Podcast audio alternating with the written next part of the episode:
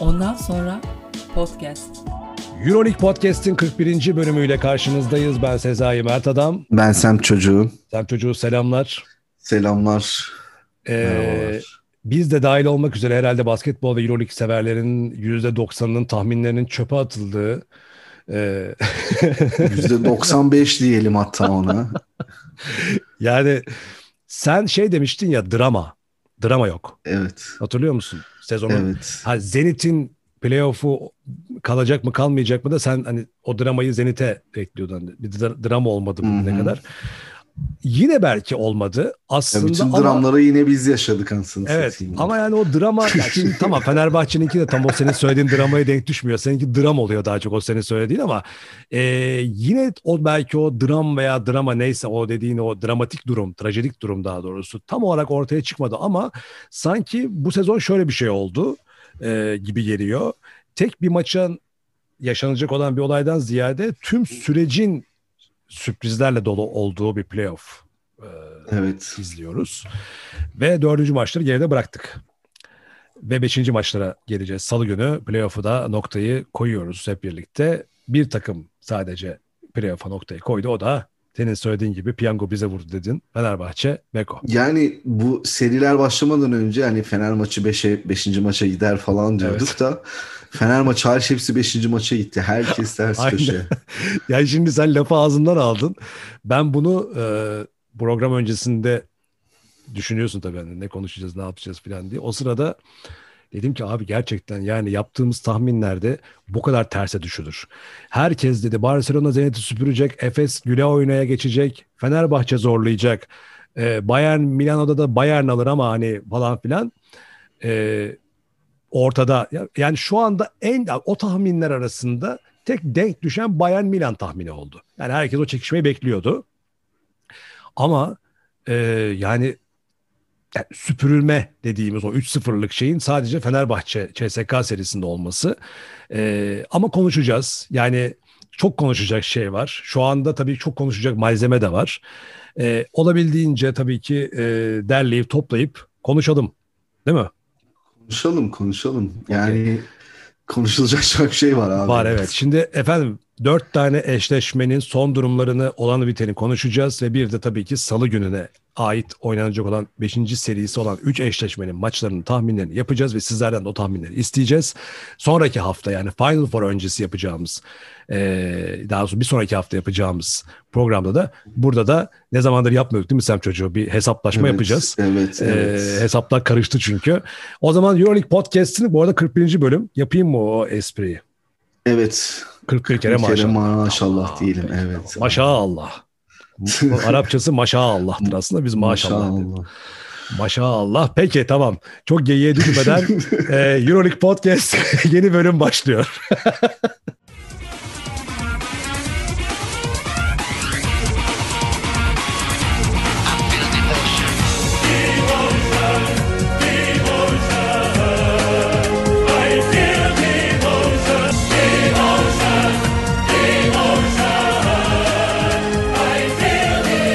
Evet sen şimdi nereden başlamak istiyorsun? O hak senin biliyorsun. Ya Fenerbahçe'den başlayalım. Başlayalım yani bakalım. konuşacak çok şey var. Öncelikle Mazhar Fuat Özkan'ı nasıl anlatsam, nereden başlasam? E, nasıl desem? Nereden başlayayım? Yani tabii öncelikle bütün oyunculara tek tek teşekkür etmek lazım. Bütün e, ekibe e, hatta en başta da koç Igor Kokoşkova çünkü e, CSK maçında gördük ki yani dört kişiyle playoff yaptı Fenerbahçe. Hı hı. E, hatta yani sezonun yarısında e, kafaya takmış 3 adam daha doğrusu. Guduric, Dekolo, Veseli. E, kafaya takan o Mehmet Demirkol'un kafaya takmış 3 adama bakar lafını doğru çıkardı. Playoff'a bıraktılar. Sen de senin de sene başından beri sürekli söylediğin markayı koruma sezonunu çok güzel bir şekilde markayı korudu Fenerbahçe. Ve her zaman her yerde iddialı olduğunu, e, yine en tepeye oynamak için orada olduğunu gösterdi. Bu çok önemliydi. Onun dışında serinin özelinde işte insanlar ya aslında herkes güç farkını biliyordu ama Fenerbahçe öyle bir mücadele koydu ki Moskova'da. Hani herkes çok farklı şeyler bekliyordu dönüşünde. Üçüncü maçta. Ee, ama olmadı. Olmayınca olmuyor bazen yani. İşte e, şans senin yanında olmuyor. Sen çocuğum sen yorumcu olmuşsun ya. Vallahi sen bu program boyunca yorumcu olmuşsun. Yani sen çocuğundaki değişimi de umarım dinleyenler görüyordur. Yani nasıl yorumcu olmuşum? Şöyle yani bu kadar itidalli, bu kadar e, şeyli hani daha böyle yukarıdan daha böyle dengeli e, yorumlar yapmıyordun başlarda ama şu anda daha böyle e, daha böyle sanki hani işte köşe yazarı, daha yorumcu böyle daha kapsayıcı yorumlar yapıyorsun. Yo hayır biraz yani hazmettik de yani. Sonuçta tabii söyleyeceklerim daha bitmedi. Maçın özeline, derinine ineceğiz Böyle giriş senin yapman bile sevdiğinin. yetti yani bize şimdi. Tamam sen Ee, tamam. ama genel genel olarak bu yani. Şimdi biz ne kadar üzülsek de aslında tebrik etmek lazım bütün herkesi. Bence çok başarılı bir sezon geçirdik. 3-0 elenmemiz hiç önemli değil. Önemli olan playoff'a kalmaktı. Kaldık. Obradoviç sonrası krize girmedik. Ee, ufak bütçeyle de güzel şeyler yaptık. Bu bu sene oturan kemiğin üzerine de seneye güzel parçalar gelirse e, yine Final Four'da şampiyonun en büyük adaylarından biri olacağız. E, bu güzel bir şey. E, insanlar yine Fenerbahçe'ye sempati duymaya devam ediyor herkes. Özellikle zaten bu CSK şu an öyle bir antipati topladı ki yani Hı hı. e, Fenerbahçe'nin daha da çok artısı oldu. E, ama e, tabii serinin özelinde bu seri aslında seviyeyi belli etmiş oldu takımda. Bütün sene hep diyorduk ya takımın seviyesi ne acaba? Takımın seviyesi ne? Hani CSK'yı deplasmanda yeniyor işte Barcelona'yı da yenebilir diyorsun ama oturup Alba Berlin'den de 30 yiyebilir diyorsun. Zalgiris'ten de 47 falan böyle şeyler oldu. Ama bu seri gösterdi yani kimin iyi oyuncu olduğunu, kimin karakterli olduğunu, kimin karaktersiz olduğunu.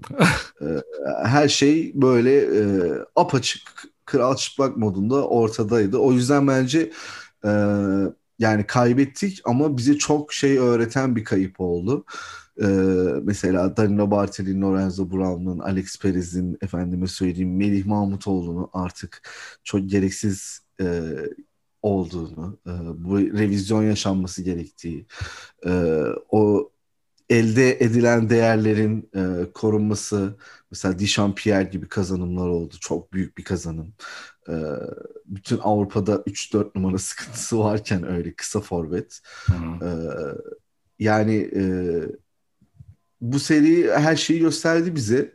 E, kim kalmalı, kim gitmeli gördük. E, bilmiyorum daha irdeleriz yani. Ben şu an bu kadar söylüyorum. E, yani Veseli oldu, bir şeyler fark etti ama orada da Veseli susabilirdi ama yani hakem de niye kitleniyor ona falan gibi şeyler de konuşabiliriz. Ama yani çok yıpratıldı takım yani psikolojik olarak. Çünkü biz hep böyle mental bir takımdık. Zaten mental bir takım olduğumuzdan aslında biraz da e, hani o beklenenden fazlası yapıldı. Beklenenden herkese bir beklenti yükledi. O mentallikten dolayı e, aslında ne kadar güçlü bir mental olduğunu ve aynı zamanda ne kadar kolay kırılabilir olduğunu gördük. Evet. E, o yüzden daha dirençli, daha e, mental olarak yüksek oyuncular piyasasına bakacağız seneye umarım. E, o yani Kırılganlık konusunda seneye- yani yüksek güzel bir şey söyledim bence. Yani yüksek bir mentalitenin olduğu ama bir taraftan da aynı derecede bunun negatifi olarak düşünülebilecek olan kırılganlıktan bahsettin.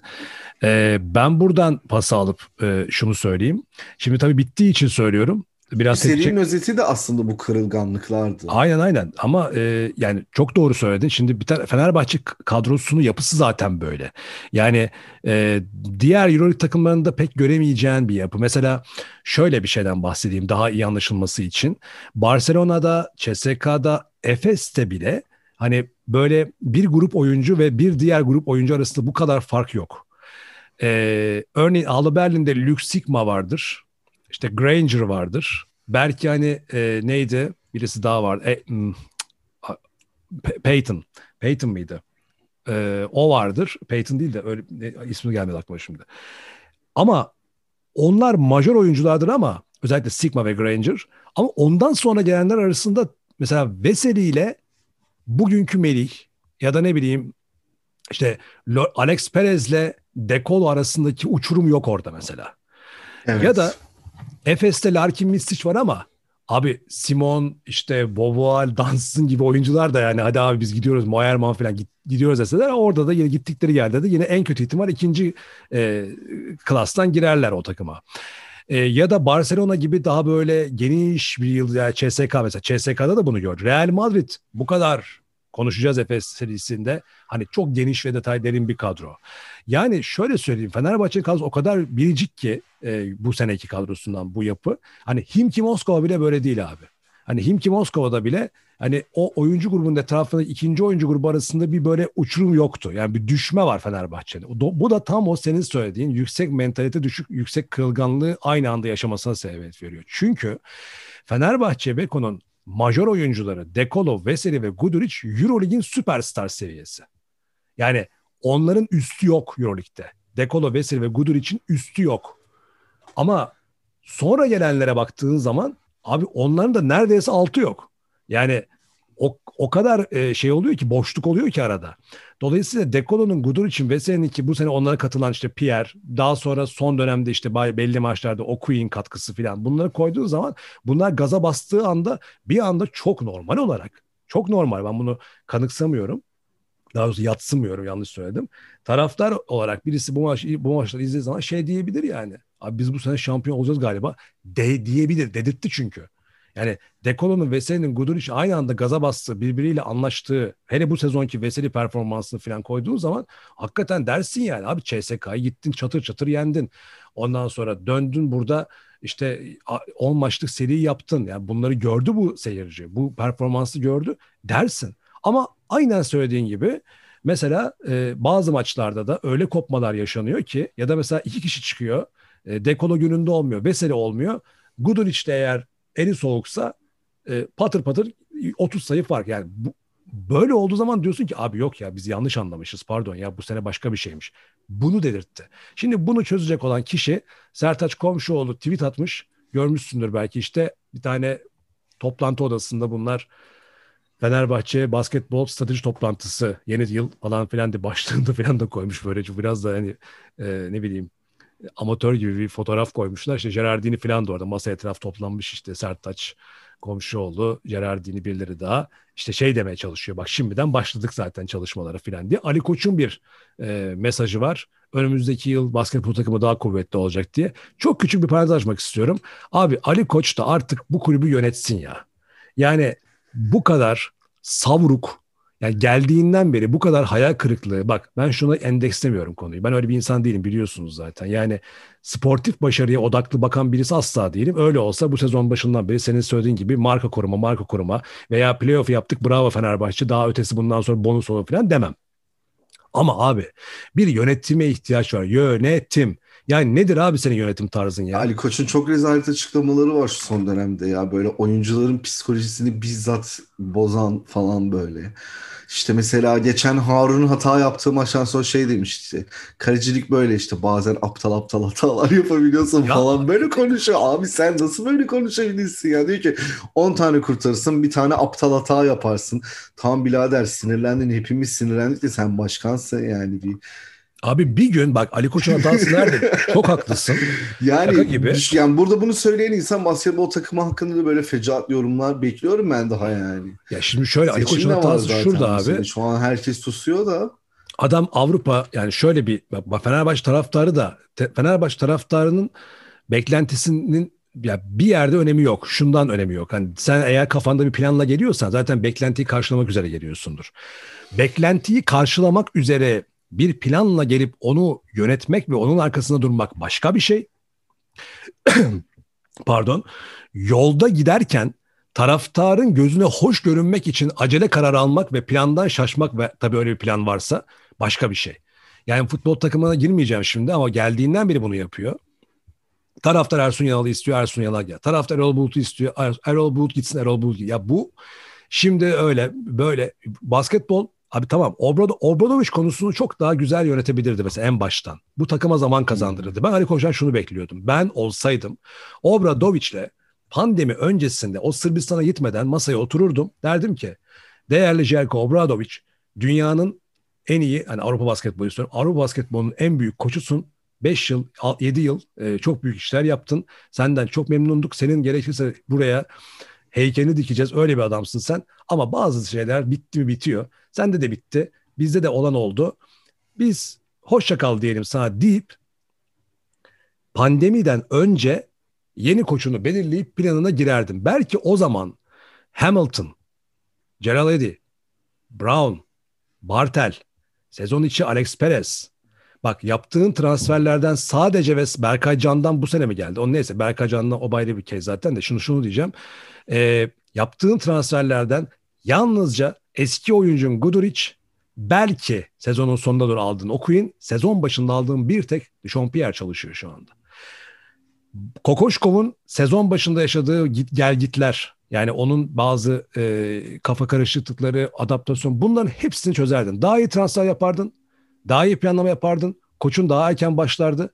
Sen dedin ki yine taraftarın gözüne girmek için Obradoviç ile bizim problemi ya de ne olacak abi Obradoviç'in problemi olmaz zorunda değil bak bunu anlatma Lasso konusunda anlatmaya çalıştım. Bu problem değil. Obradoviç'e dersin ki kardeşim bazı şeyler bitti mi biter. Şurada da bitti. Haydi hoşça kal. Biz abi Kokoşko mu getiriyorsun? Yasikevicius mu getiriyorsun? Kimi getiriyorsan getir işte yani artık. Kimi alıyorsan. Ufuk Sarıcı'ya mı getiriyorsun? Getir birini. Başla planına. Bu sana en azından ondan sonra benim gibilerde abi bu ben gördüm çünkü sezon başında durumu. Dedim ki abi markayı koruyalım yeter. Çünkü buradan bu çıkacak belli.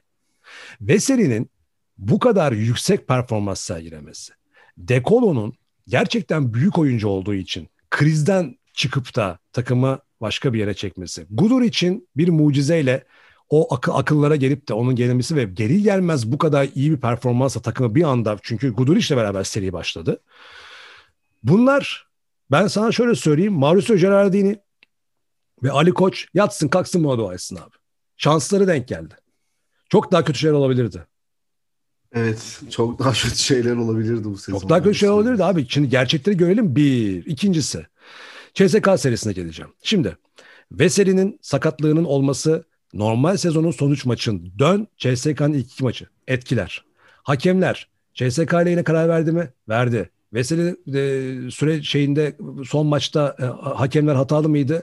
Hatalıydı. Hakemler CSK karşısında taraf tutuyorlar mı? Ya tabii şimdi bunu şöyle kabul edemeyiz abi. Euroleague oraya hakem atıyor. Hakemlere diyor git CSK'yı tur atlat. Şimdi bunu kabul edemeyiz. Bunu kabul ediyoruz o zaman biz bu programı yapmamamız gerekiyor.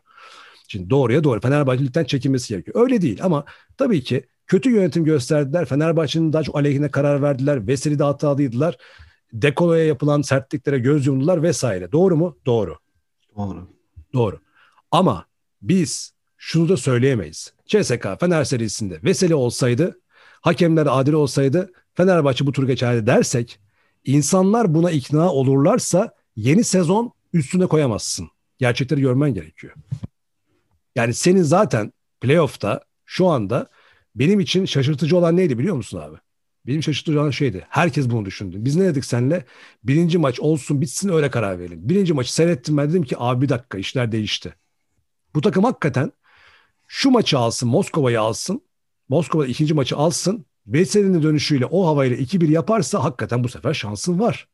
Ama 2'yi de kaybettikten sonra şeyde e, İstanbul'da takımın takım olma zafiyetleri ortaya çıktı. Yoksa çok iyi başladılar maça. Seri de yaptılar. Fark da attılar. Veseli gününde çok iyi döndü Veseli. Hiçbir şey olmamış gibi döndü.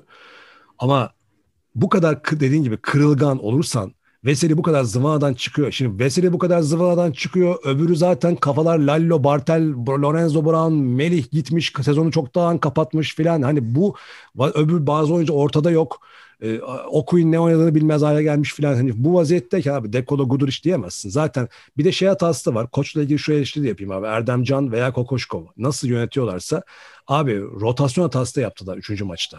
Yani aynı şey eleştiriyor. Kokoşkov'un hani ilk sezon başında e, çok rotasyona giriyor ve doğru beşi bulacağım diye zaman kaybı olsa da maç kaçıyor, kaçıyor eleştirilerimiz vardı. Erdemcan da buna benzer hareketler yaptı. Kendisi de bunu söyledi. Rotasyon girmeye zorladık ama abi son, son maç birader ya. Yani son maç ama yani bir taraftan da. Şimdi bu normal lig maç oynamıyorsun ki. Ya gerekirse 40 dakika oynasın abi dekolo.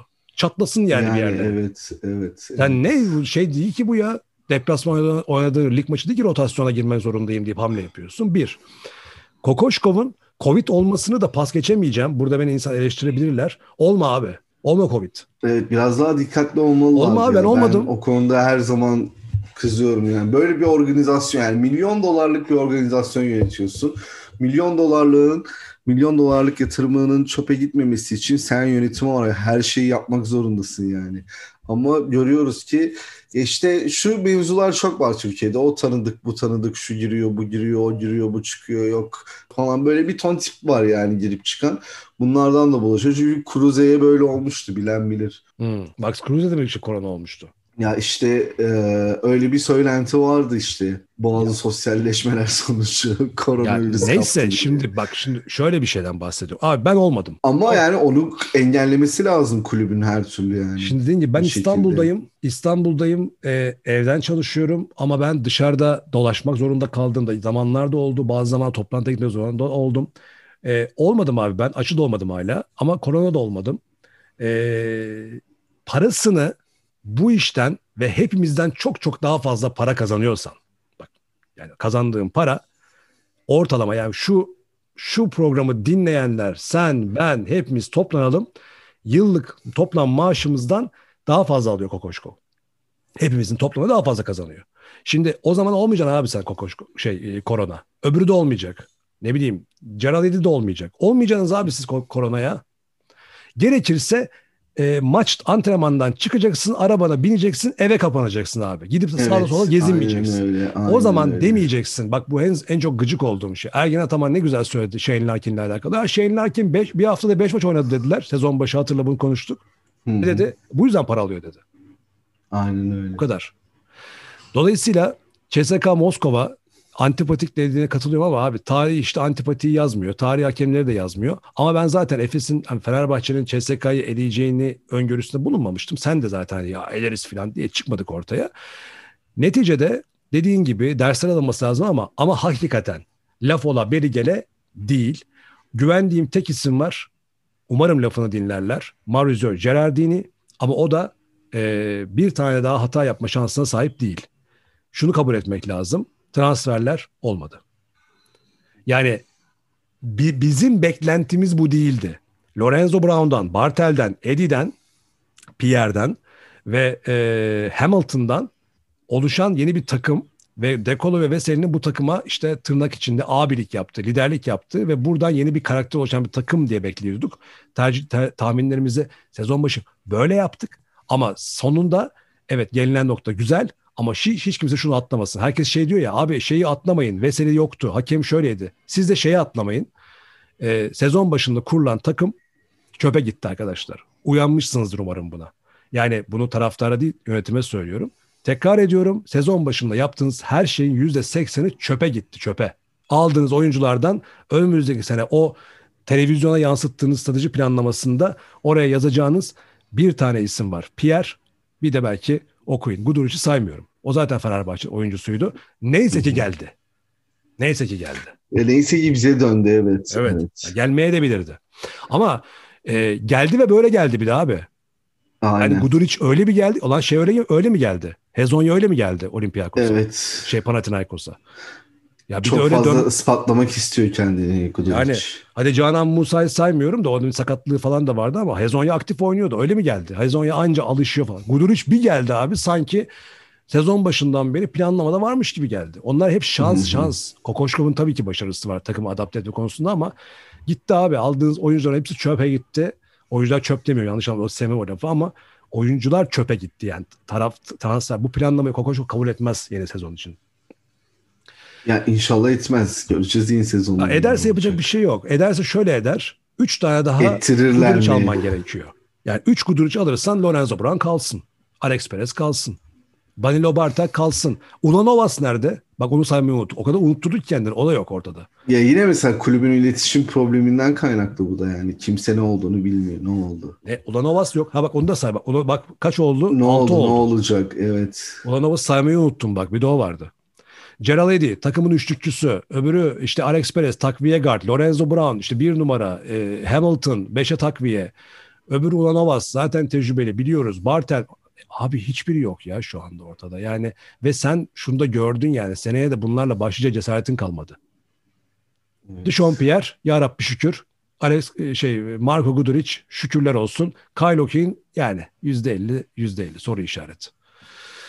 Şimdi e, dolayısıyla demek ki Fenerbahçe Beko'yu da yeni bir kadro planlaması, gerçeklerle yüzleşme, bir yönetim vizyonu bu senenin bu senenin bu şekilde bitmesini öpüp başlarına koyarak önümüzdeki sezon planlamasına geçmeleri gerekiyormuş. Ben öyle düşünüyorum yani. Yani evet herkes öyle düşünüyor. CSK Mesela şöyle Moskova'da umarım Efes bir elitse falan çekip getirseler falan seneye mesela çok güzel olur.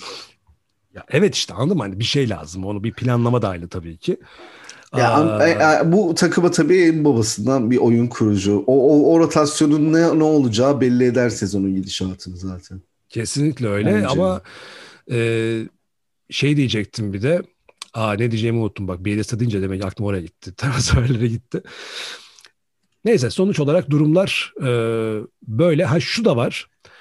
CSK'yı söyleyecektim ha onu unuttum. Şimdi CSK Moskova'da hakikaten yani Itudis abi Obradoviç de kenarda çok hareketliydi de senin kadar itici değildi ya.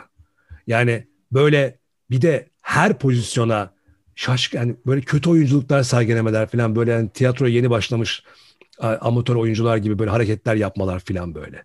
Hakeme yani şimdi şöyle bir şey bak. Bunun aynısını Yasikevicius yaptı Barcelona Fenerbahçe maçında. Ne çok konuştuk burada. Abi sizin halleriniz nedir ya? Yani Itudis'in ya Obradoviç kenarda şimdi yanlışsam beni düzelt. Çok bağırırdı. Çok hareketliydi ama %70-75 oranında oyuncusuna bağırırdı. Evet. Hakemle bu kadar oynamazdı. Hani hakemle Hakemle bu kadar oynayan işte Pablo Lasso.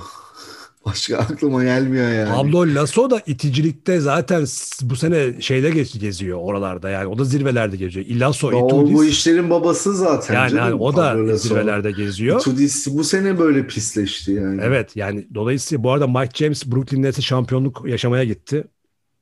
Muhtemelen yaşayacak orada şampiyonluk. Yani Euroleague şampiyonluğu olmadı. Ee, ben bari gideyim Brooklyn Nets'te bir NBA şampiyonluğu yapıp döneyim babuş şeklinde Brooklyn'e transfer oldu. Ee, Ama 10 günlüktü kontrat ya. Yok yok sezon sonuna kadar ya. Hı. Gitti adam yo yo gitti. Şey 10 Şu- günlük falan diye okumuştum. bilmiyorum belki de yanlış bilmiyorum Ba- bakmak gerekiyor neyse ama sonuçta onu niye söyledim? Mike James benim Itudis'te problemim basketbol dışında bir yerde demiş. E, demek ki tahminlerimiz yüksek orana doğru çıktı. Yani burada bir e, şey var. E, ego çatışması. Itudis'in Mike James'i manage etme, yönetme anlamında e, yaşanan bir takım şeyler var herhalde. E, ya şunu da unutmamak gerekiyor arkadaşlar. Hani CSK'nın hani Fenerbahçe'nin eksiklerine çok odaklanmamak gerekiyor CSK serisi için baktığınız zaman. Çünkü CSK'da da hani şöyle düşünün. Mike James'le Milutinov gibi iki tane yani top seviye oyuncuyu Fenerbahçe alsa ve bunlar bu sene tam o playoff'a gelirken gitse mesela siz bunu dillendirirsiniz. Yani hepimiz dillendiririz bunu. Doğru değil mi? Yani E, Yani CSK'da da onlar yoktu ama onlar onların yerine e, Ife Lundberg'le Michael Erik'i aldılar. Yani e, ve de gayet işe yaradı bu transferler. Yani sen ama sen ne yaptın? Alex Perez'le ne bileyim işte şeyi aldın. Ama Kyle tabii onlarda bir de şöyle bir şey var şimdi. CSK mesela örneğin Milutinov sakatlandı mesela. Milutinov'a dehşet para veriyorlar şu an. Evet. Yani para sorun değil yani birini alalım yani. Para olduğu için markette yani sonuçta sen markete gittiğinde cebinde para varken mi daha rahat alışveriş yapıyorsun? Paran azken mi? Yok ona katılıyorum. Bütçe meselesi de şimdi o bütçe meselesine Fenerbahçe'yi soktuğun zaman yine oradan Fenerbahçe kulübünün yönetici zararına çıkar. Çünkü dönüp der, derim ki ben de siz mali kural, borç batağı, transfer yasağına rağmen oyuncu maaşları üzerinden, yarattığınız boşluklar üzerinden, oyuncu satışları üzerinden 4 senede yaptığınız, futbola harcadığınız para ortada, aldığınız verim ortada, sonuç ortada. Sonra dönüp de 5 sene üst üste Final Four yapıp da bir tane şampiyonluk kazandığın, markalaştığın, Avrupa'da futboldan seni daha fazla saygın hale getiren basketbol şubene para yok diyorsan o da bir yöneticilik hatasıdır. Çıkar dersin ki e, kardeşim bir dakikaya lan bir yerinde başarı yok ortada. Futbolda sürünüyorsun ya. Yani 7 yıldır ortada tıs. Ama sen e, öteki Evet. tarafta 5 senede yani Fenerbahçe abi şimdi basketbol bak basketbol şu anki popülaritesinin iki katı bak çok değil iki katı olsa Avrupa'da herhangi bir insana git Fenerbahçe'de aklına basketbol takımı gelir. Bak Evet. şu anki düşük olduğu için tanım yine futbol falan diye düşünür. Çünkü futbol futbolla basketbol popülaritesi arasında şu anda 20 kat falan fark vardı Avrupa'da yani belki. Ama diyor ya bir kat daha olsa bile yeter şu anda. Yani sen birinde Avrupa'ya hükmedeceksin, öbüründe Avrupa'dan kapısından giremiyorsun ya. Yani seni tanımıyorlar yani o futbol takımında şu anda Avrupa'da. Yani evet. Ben, Ya futbol yani, takımına çok odaklı gidiyor Fenerbahçe de bakalım bu sene şampiyon olursa Şimdi- her şey güzel olur. Ama sezon şampiyon olmazsa işler değişecek. şampiyon olamayacak. O belli oldu çünkü. Dün Beşiktaş şampiyonluğu bence ilan etti gibi duruyor. Yani Hatay maçından sonra baktım ben de şey çok takip edemedim bu sene de. Şöyle puan durumuna baktım. Yani haftaya e, haftaya bile tur atabilirler Galatasaray maçına göre. Berabere kalmaları durumunda bile Fenerbahçe eğer kazanamazsa bu hafta berabere kalsalar da tur atacaklar zaten. Ama yani Fenerbahçe Galatasaray kazansa bile yani haftaya Beşiktaş kaybetmesi lazım Galatasaray'a ona rağmen lider giriyor son haftaya yani. Zor. Neyse futbol konuşmuyoruz zaten. Sen şimdi. O Şuna- zaman ufaktan ne yapalım? Efes'e geçelim. Evet Efes'e geçelim. Ya sezon sonu olduğu için arkadaşlar ben bugünleri bekledim. Gerçekleri konuşmak için bitirmek gerekiyor. Yolda değil, yoldan yol sonuçta da, da- dosya kapanınca konuşmak gerekiyor. O yüzden ben biraz böyle atarlı konuştum ama e, bana yüksek oranda katılacağını düşünüyorum. Katılmazsanız yazın yorumlara. Kavga ederim aşağıda. Güzel oluyor kavgalar. Peki e, şimdi Efes Ef- a- ama bir şey söyleyeceğim. Efes'e de atarlanacağım ki ben şimdi. Ya Efes'e de atarlanacağız. Herkes şu an atar gider var ya herkese. Abi Efes'in durumu Barcelona falan var sırada bekliyor. Ya şimdi Efes'in durumu şu. Yani e, ben şey demiştim. Bir tane rakibi var Efes'in. O da dikkat dağınıklığı demiştim. Evet dikkat dağınıklığından dolayı iki maçı da verdiler. Ama bu bu seviyedeki bir mücadele için playoff, Final Four kapısında olan Eurolig'in bir numaralı şampiyonluk adayı olan bir takım için abi evet ya dikkat dağınıklığı değil dediğin anda ben kelle alırım o takımın yöneticisi olsam ben kelle alırım ya. Hadi bir Hacı Biradez ne yapıyorsunuz? Ne diyorsunuz derim yani. Ne dikkat dağınıklığı. Alo. Normal sezon maçı mı lan bu? Yani şu olsa üçüncü maç, dördüncü maç, iki maç içinde ortak sö- söyleyeceğim şey şu. Ya bir dördüncü maçta işte bir 17-0'la başladı. Ha, ilk yarı yine lider tamamladı Efes orada. Dördüncü maçta. Yani sen desen ki yani şu olur bir şey olur. Bir şey olur ki o, o şeyin olması çok zor.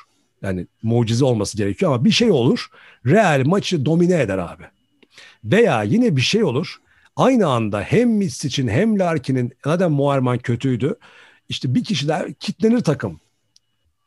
Ama maç boyunca dominasyon Real'dedir. Dersin ki abi tamam bu maçı ver- verecekler belli oldu yani. Bu 2-1 olacak filan. Ama ona rağmen 2-1 olduktan sonra dördüncü maça çıkarsın ki hop dersin silkelenirsin. Ayağa kalkar götürürsün. Sen üçüncü maçta saçma sapan bir şey yaptın.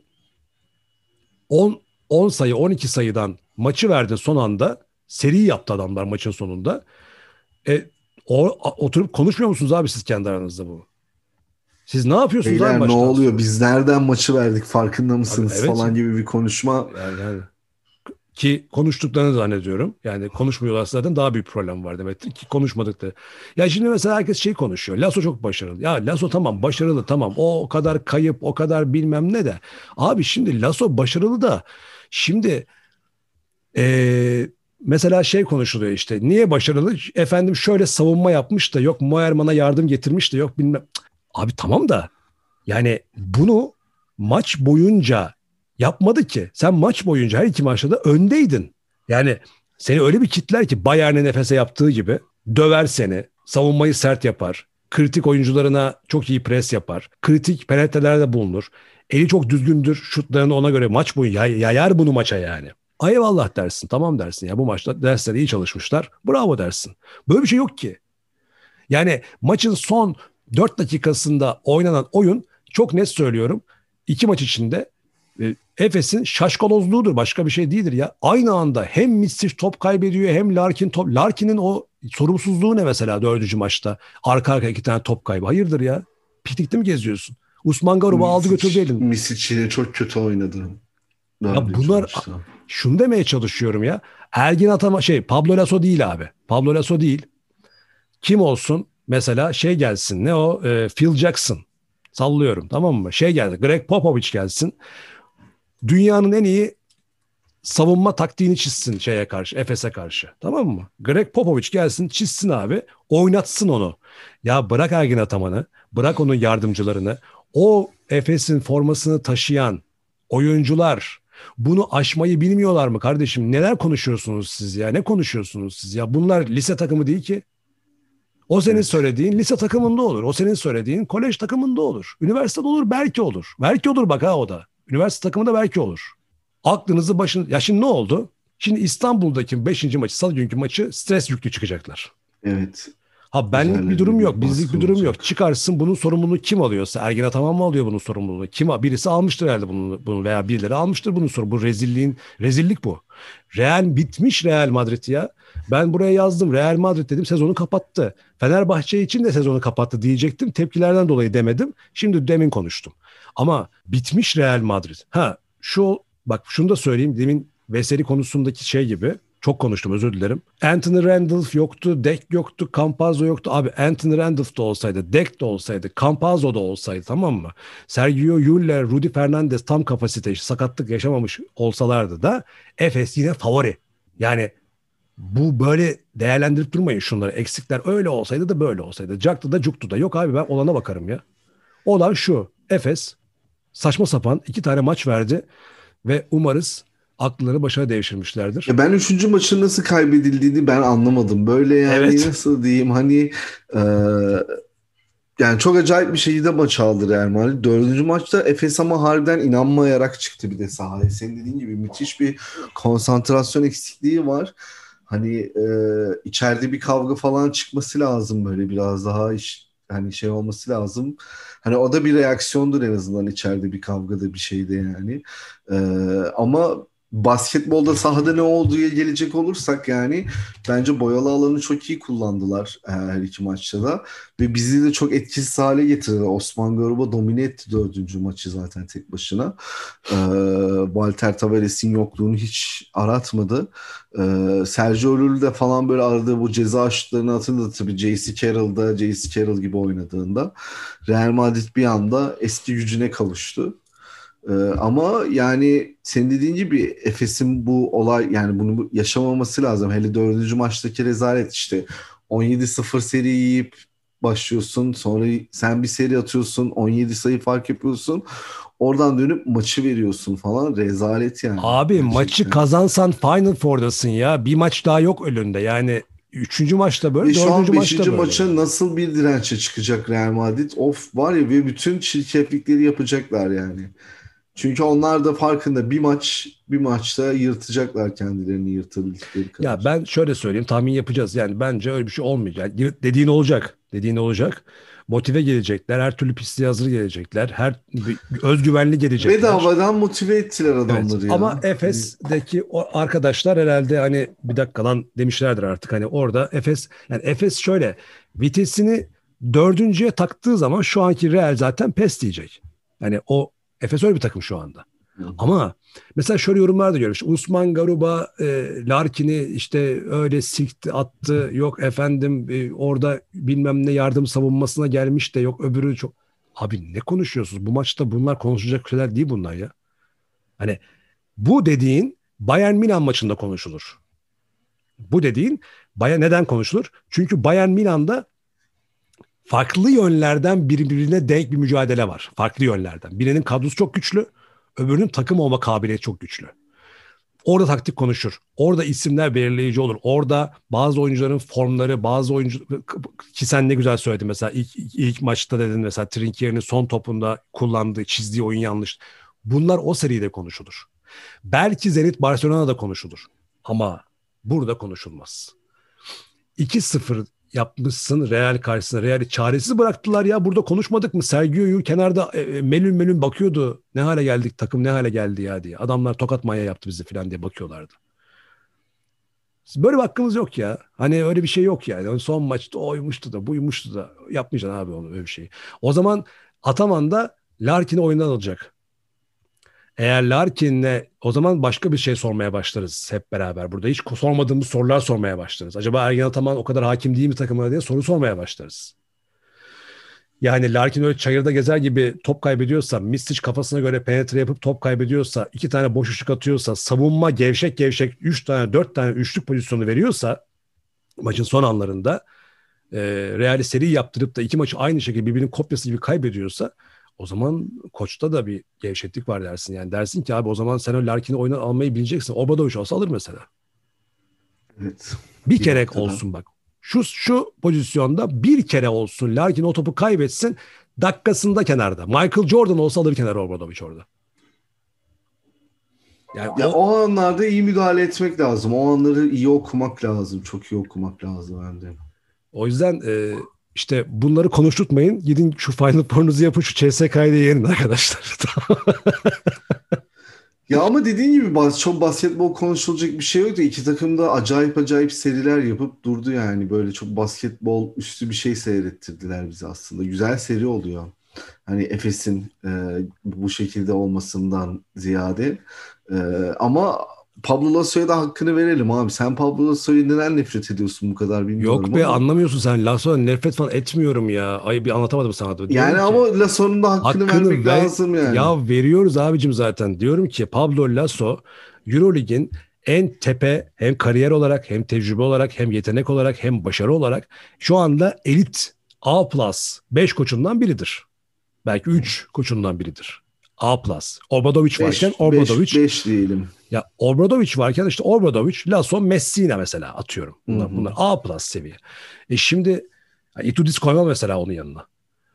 Ee, benim demek istediğim iki şey var. Sezon içerisinde şunu söyledim. Az önce Obradoviç'le yolları ayırmakta geciktirdiğiniz e, düşüncesi üzerinden Lasso'nun gideceğini söylüyorum. Gideceğini dedirttiniz bana. Gideceğini düşünüyorum. İkincisi de bu bu seride evet başarılı ama Lasso'nun başarısıyla değil, Efes'in gevşekliğiyle kazandı Real Madrid maçı diyorum ben. Demek istediğim o. Anladım. Yoksa Campazzo, Campazzo'yu ve Randolph'ı şu ama abi Real'in kadrosu da şimdi Campazzo, Randolph, Deck, Tavares de yoktu bu iki maçta bir de üstüne bak onu unuttuk. Ee, e, şey var. Sezon içerisinde Fernandez ve Yul'un yoklukları var. Yine bu kayıplar. Şimdi buraya yeni bir transfer sadece şeyi aldılar işte. Alex Tyes'ı aldılar yani bir de üstüne. Ee, Galatasaray'dan geldi. bir de Yine abi onda yaptıkları da ortada o ya. yani. Ondan Yine sonra fena oynamıyor. Yok yok kötü diye söylemiyorum da yani şimdi bu gidenlere bak. Evet. Gelen Alex Tyes. şimdi şimdi buradan tabii ki Lasso'nun başarısı var ama şeyi de atlamamak lazım abi şimdi unutmayın. Yani bakın abi Real'in kadrosuna hala yıldızlar topluluğu.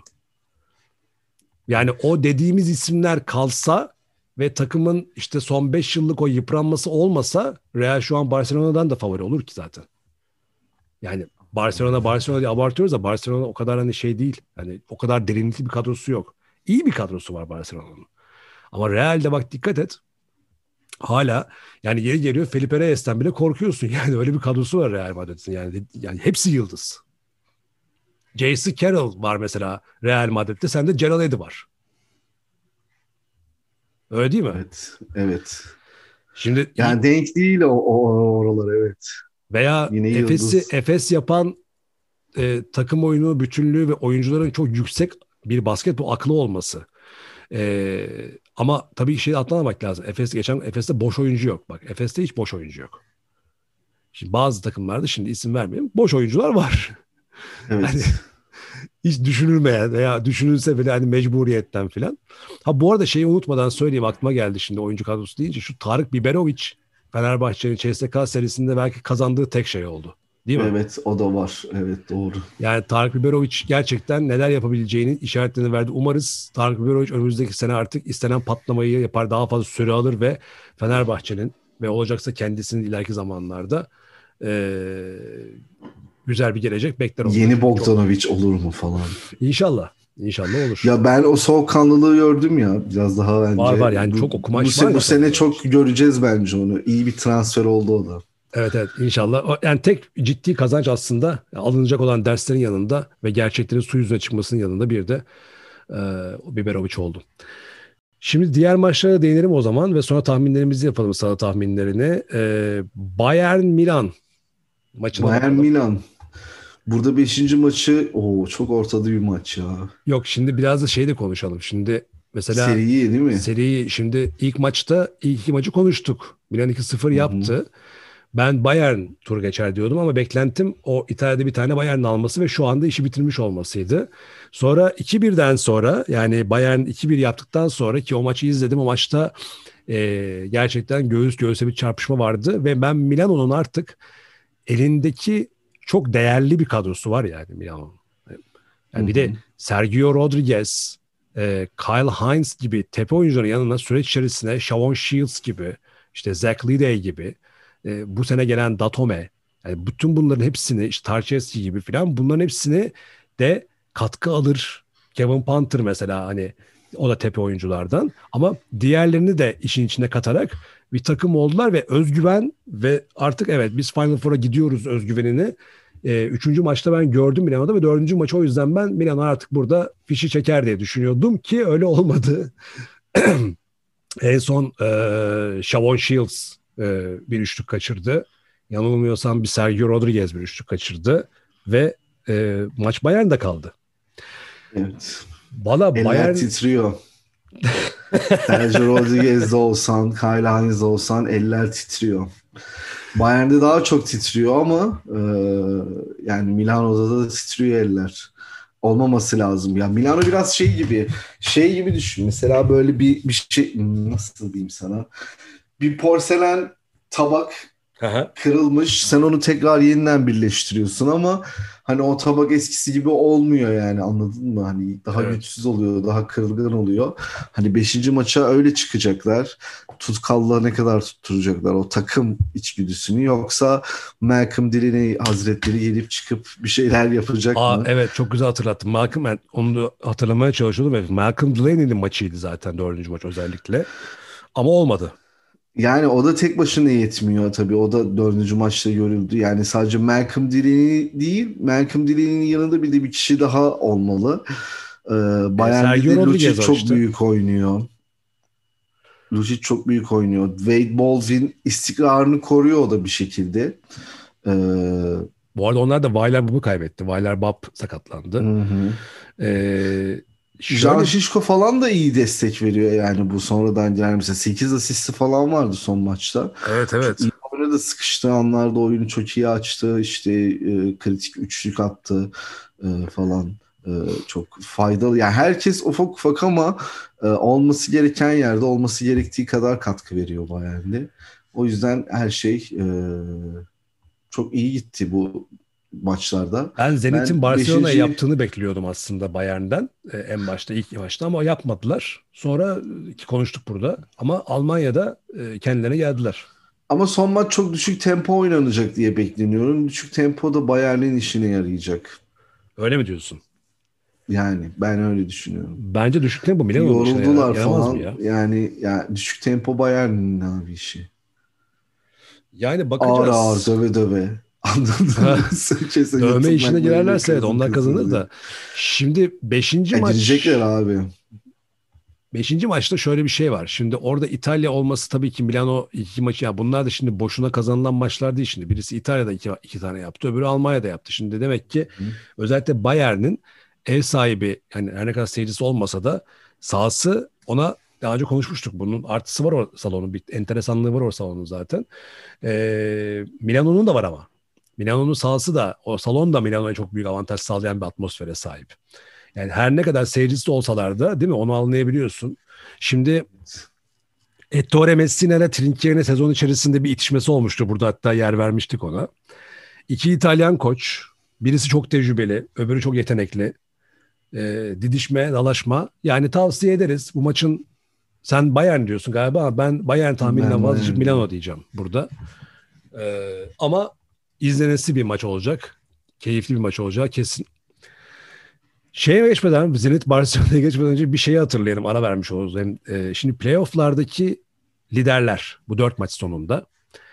E, verimlilik puanında baktığın zaman ilk beş CSK'dan Will Clyburn, e, şeyden Barcelona'dan Brandon Davis, Zenit'ten Kevin Pangos, Bayern'den Vladimir Lucic ve Efes'ten Shane Larkin beşli sıralanıyor. Yani bunlar sahaya yansıdı. Değil mi Sem çocuğu? Yani bu beş Evet. oyuncu özellikle Larkin'in e, yani Larkin'i eleştiriyoruz ama Larkin niye ya, yani bu kadar yansımadı yani. Bu belli niye şey eleştiriyoruz? Larkin Çünkü ama- daha büyük beklenti var Larkin'den o yüzden. yani evet evet. Ama Clyburn mesela Barcelona çoktan Zenit tarafından süpürülmüştü belki. Brandon Davis kurtardı ya. Evet aynen öyle. Zaten takımda onun kadar isteyen başka hiç kimse yok ya. Evet. Ee, Kevin Pangos'u zaten konuşacağız şimdi. Ee, Lucic'i sen Acaba söyledin. Navarro bir operasyon mu yapacak orada?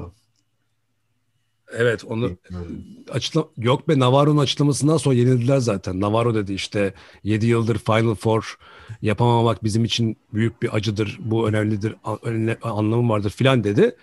Ee, akşamına Zenit'e yenildiler işte 2-2 oldu. Ee, şey bir de ne diyorduk? Lucic dedik. Onu konuştuk. Larkin. Yani ha Will Clyburn CSK'da. Ya şimdi bunu da unutmamak lazım. Adam hakikaten oynadı yani. Evet. Ya o yüzden zirvede olması normal.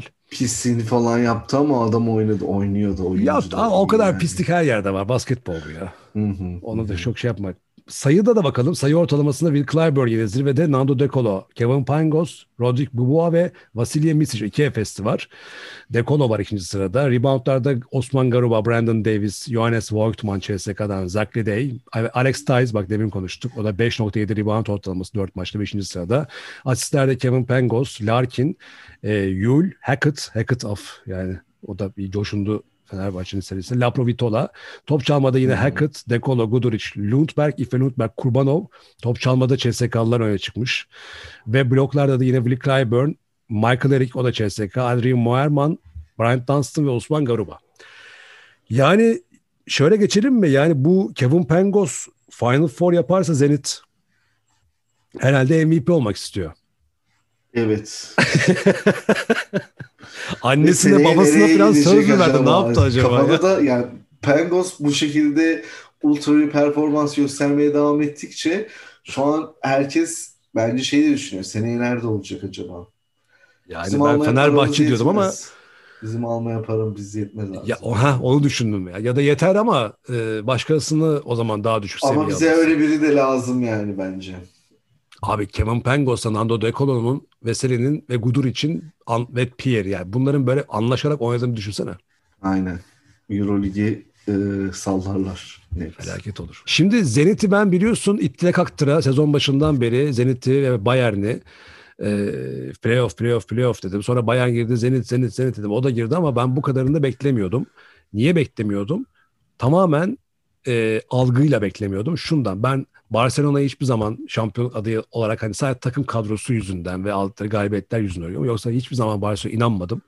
Ama yine işte algılar çalışıyor. Yok abi diyorsun hani orada da işte şey oluyor. Ki birisi sormuş niye demiş hani Barcelona'nın Zenit süpüreceğine bu inandınız. Ben de cevap yazdım. Dedim ki yani şey işte algı. Playoff algısı. Yani playoff'ta favori kazanır. Ama Zenit öyle de değil dedi. Hani biz bu işi oynayarak e, çözeceğiz dediler. Ve oynuyorlar da. Hatta şöyle söyleyeyim. Barcelona'nın kazandığı ikinci, üçüncü maçlara bak. Zenit'in kazandığı birinci ve dördüncü maça bak. Sonra dersin ki abi şu Barcelona'nın kazandığı özellikle şu bilmem kaç tane faulle kazandığı maçların bir tanesinde silin de beşinci maça çıkmayın Zenit Final Four oynasın dersin yani. yani paçavra bir de şu da var. yani. e, ya mesela kontrol kimdeyse o alıyor maçı. Mesela bazen e, el koyuyor Kevin Pangos ortama mesela. Bazen Brandon Davis ortama el koyuyor.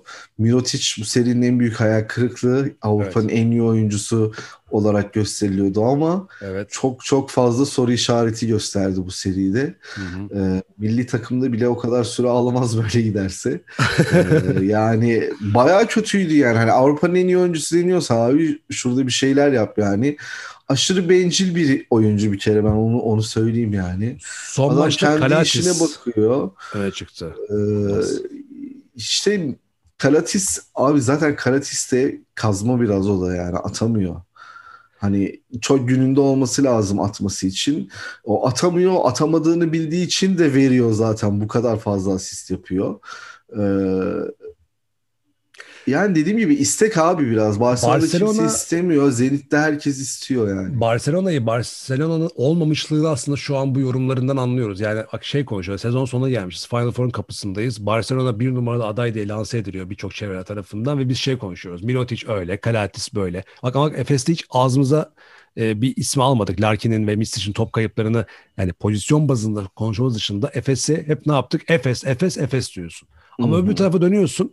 Barcelona demiyorsun. Diyorsun ki ya abi Mirotic niye öyle yapıyor? Yok Karates niye? E, Kyle Kuriş'ten verim alamadılar. Ya çünkü takım yok abi ortada. Aynen. Ortada takım yok. Ortada böyle şöhretler karması var. gördük mesela. En pure shooter diyorlardı. Adam girdi, şut atamadı, hiçbir şey yapamadı abi. Mesela bir J.C. Carroll'a bak kaç yaşında adam. Playoff'a nasıl etki etti? Kyle Kulic. Yani nasıl diyeyim? Hmm, kötü bir ya böyle nasıl diyeyim ya? Ee, hani Ya mükemmel Bar- olamayacak yani böyle çok iyi olamaz bir şey anladın mı? O yüzden o onun şeyi yani bu nasıl açıklayayım bilemiyorum yani. Ya Barcelona Zenit'i Olmaz maçta... ya Barcelona'dan hiçbir şey olmaz Tabii yani. tabii. Ya şimdi şöyle Barcelona Zenit'i yenebilir. Niye yenebilir 5. maçta? E yener işte ne bileyim işte var ya şöhretler karması. Birinin tadı ya o senin söylediğin Kyle Kuriş mesela o gün eli ısınır. Dört tane üçlük atar. Kalatis'in canı ister. O biraz daha Ya forma hayır bir de girer. clutch time'da da atmıyordu bu üçlükleri zaten. Hani benim yaptığım genel eleştiri oydu yani. Mesela Hmm. Kyle Kuric'in hiçbir Aha. clutch şutu yok yani. Maçı çevirdiği bir üçlüğü yok yani. Yok tabii tabii. Yani zaten o Kyle Kuric, senin söylediğin o söylediğin Kyle Kuric seçimi çok zorlama. Zaten genel olarak Euroleague'de bir Barcelona sevgisi pompalanma hikayesi var sezon başından beri. Sevmeyeceğiz kardeşim Barcelona'yı ya. Yani zorlamayın. Yani biz Barcelona'yı siz e, dünya kadar para harcayıp Mirotic'i getirdiniz diye sevmek zorunda değiliz. Yasikevicius'u aldı diye sevmek zorunda değiliz. Biz iyi basketbol oynayan e, en baş kendi taraftarını sonra da izleyen herkesin saygısını kazanan, insanları ayağa kaldıran takımları yani Zenit'i destekliyoruz. Barcelona'yı değil. Ee, iyi oyuncuları parlatan e, Kevin Pangos'u yükselttiği gibi işte Xavi Pascual'i destekliyoruz. Ee, işte e, lüks bir araç kullanan e, Yasikevicius'u değil şu anda. Zamanında Obradovic'i sadece Fenerbahçe'yle desteklemiyordu işte tam da bu yüzden. Ee, ya da Efes'i bu sene insana daha sempatik görmenin sebebi Efes'in takım oyununu böyle bir buldozer gibi bir takım olmasından kaynaklı. Yoksa Milotic değil. Bak mesela Lakers'ta da e, hep böyle içe sinmeyen şey geçen sene o oldu biliyor musun? LeBron'la Davis'i çıkarttığımız zaman geriye ne kalacak? Yani Lakers'ta. Geçen seneki Lakers'tan bahsediyorum NBA'de. Şampiyon oldular ya. Hı. Abi o çok yeterli olmuyor ya. Yani artık olmuyor. Yani insanlar sadece e, LeBron ve Davis gibi iki tane ultra üst düzey oyuncunun birbiriyle anlaşması ve çevresindeki insanların da gemiyi sağdan soldan tutması sonrası yani şampiyonluklar çok keyif vermiyor. İnsan daha çok işte o Golden State'in Evet. Curry'li, Durant'li, Thompson'lı şampiyonluğunu izlemek istiyorlar falan filan. Yani o yüzden e, gönüllerin şampiyonu e, olmayacak Barcelona şampiyon olsa bile gönüllerin şampiyonu işte şimdi artık Final Four adaylarına baktığın zaman e, Efes olur. O olmazsa Zenit olur. O da olmazsa Bayern olur ama Barcelona olmaz. Peki sana bir sorum var. Ee, şu an sence şimdi mesela Navarro da artık tribünde falan böyle kendini göstermeye başladı. Gasol girdi takımın içini falan. Belki de Navarro hani gönderdi git bak bakalım ne oluyor orada gibisinden. hani sonuçta abi Katalanları biliyoruz hepimiz az çok. Bu arkadaşların aslında ne kadar sistematik mobbingçi olduklarını da biliyoruz. Yani bence şu an Yasikevicius'un üstünde müthiş baskı var. Koşu koşu gittiği yerde şu an sene başında o kararını sorguluyor mudur acaba sence? Sorguluyordur. Çünkü Yaskevicius koçluk anlamında kendisine saygınlık katmadı bu sezon. Ee, Evet. Koçluk anlamında kendisine saygınlık katacak bir zemine de gelmedi. Bak şimdi şey farkı var. Yani yanlışsam lütfen düzelt. Şimdi Barcelona'nın şöhretler... olmuşsun ama adam olamamışsın gibi bir hali var yani Ya, böyle. Şöyle bir şey abi. Şimdi Saygı görmüyor koç olarak henüz. Bogdan Bogdanovic Fenerbahçe'ye geldiğinde şu anki Bogdan Bogdanovic miydi? Şey olarak, Hayır. meşhurluk olarak tamam. Ama Mirotic zaten meşhur geldi bu takıma. Kalates zaten meşhur geldi. Obradovic de iyi takım kurar. Obradovic de iyi takım oyuncularından e, bu işin olacağını bilir. Ve her zaman iyi takımlar kurar. Ama Barcelona gibi kurmuyor. Ya da öyle istemiyor. Panathinaikos'tan e, Fenerbahçe'ye geldiğinde Obradovic yani Kostas Sulukas Avrupa'nın bir numaralı point kartı mıydı? Yanlış, yani soruyorum bu arada. Yani, yani atlıyor olabilirim bir, bir numara demeyelim de ilk beşte diyelim. Tamam. Ama mesela Kalatis kadar mıydı? Bence Ee, değildi. Yo bence Kalatis'ten bir tık iyi ya Sulukas. İyi başka bir şey bak şeyden bahsediyorum. Kalatis'in Panathinaikos'taki ağırlığı. Yani bak Panathinaikos'tan çıktı Kalatis, Panathinaikos kendini toplayamadı.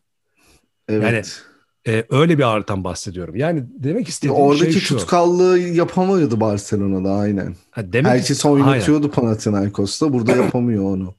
Çünkü dediğim gibi ortada yani Yasikevicius kariyer planlaması olarak bana kalırsa yanlış bir yer seçti Barcelona ama eski takımım diyor, bağlarım var diyor, hayalim diyor. O onun bileceği iş. Senin soruna istinaden bu cevabı veriyorum yani.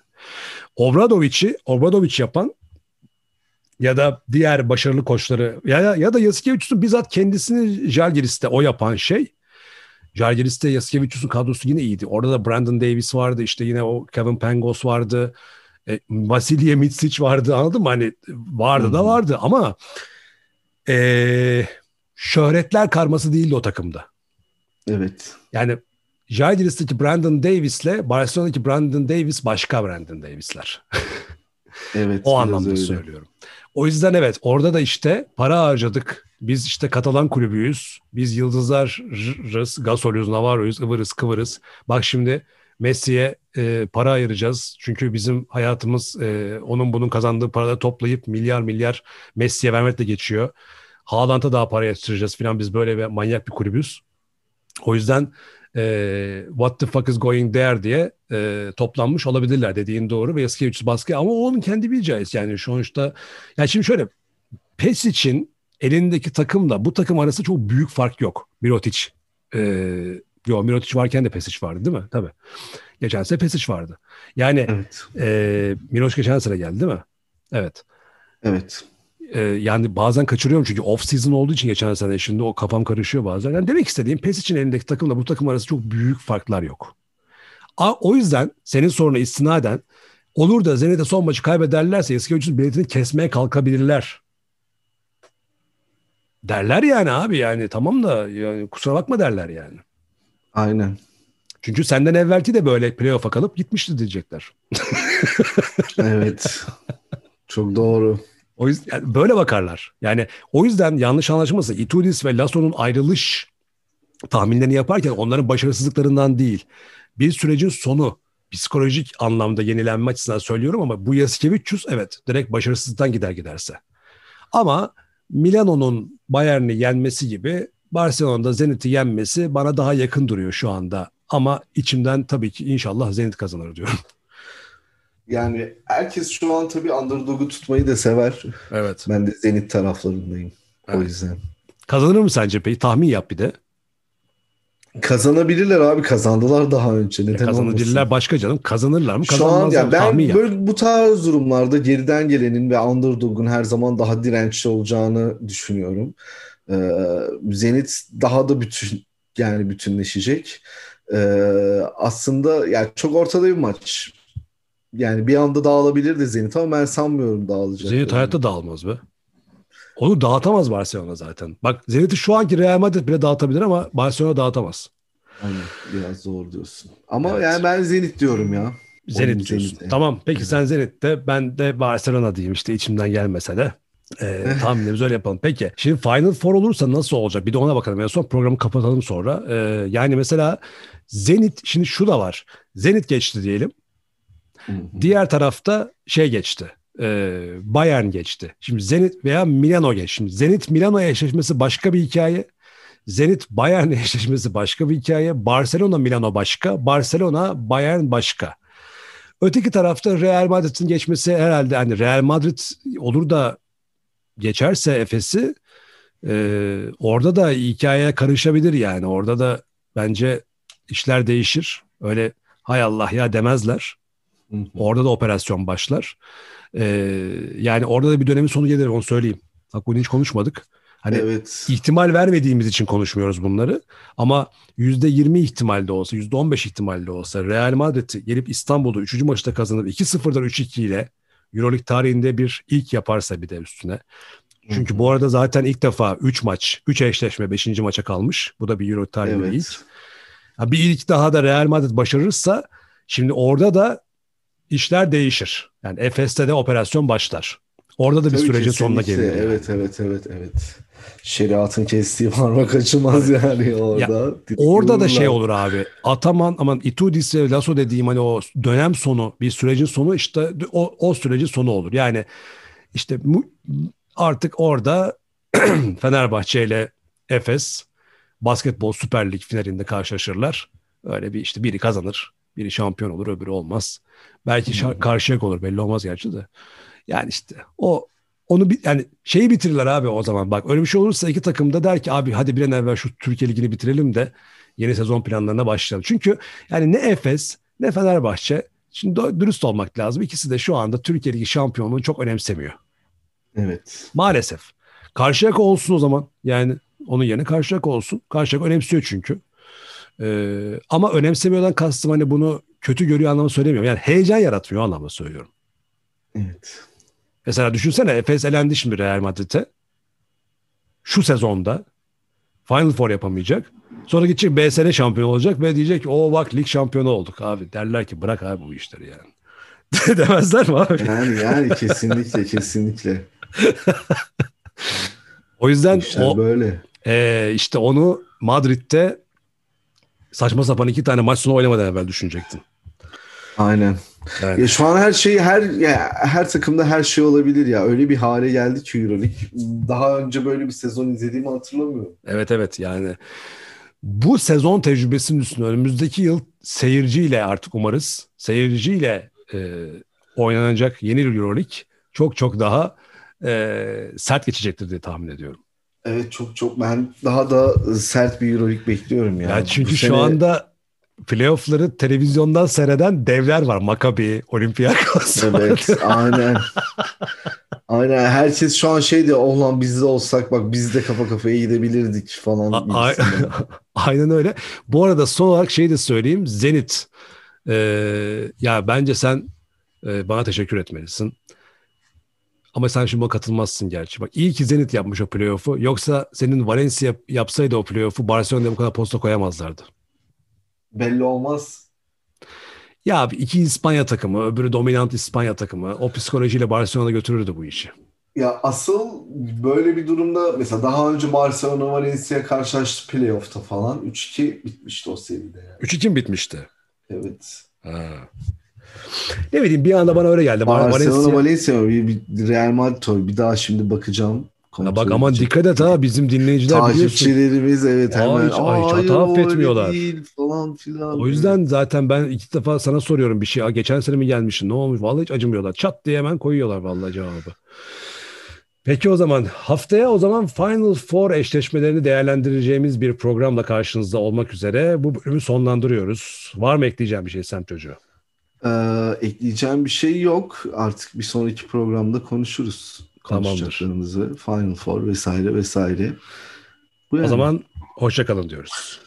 Hoşçakalın arkadaşlar. Bir de arkadaşlar Covid olmayın be. Yani olmamaya çalışın. Evet Yani dikkat tabii edin. mecburen çalışanlar var dışarıda mecburen o da o saçma sapan tam kapanma diyorlar da e, dünyanın en komik tam kapanma kararı alındı da onları geçtim. E, ya ona bir şey demiyorum ama hani gerçekten biraz da siz gayret ederseniz en azından olmama şansınızı artırabilirsiniz. Yoksa ben hiç kimsenin hani hiç kimseye böyle steril, güzel, e, iyi ortamlar sağlandığını falan söylemiyorum. Öyle anlaşılmasın ama herkes biraz da gayret eder, ederse en azından kendi sağlığını sonra da toplumun sağlığı için değerli. Kokoşko gibi yapmayın, Covid olmayın. Peki, hoşçakalın o zaman. Hoşçakalın. Ondan sonra podcast.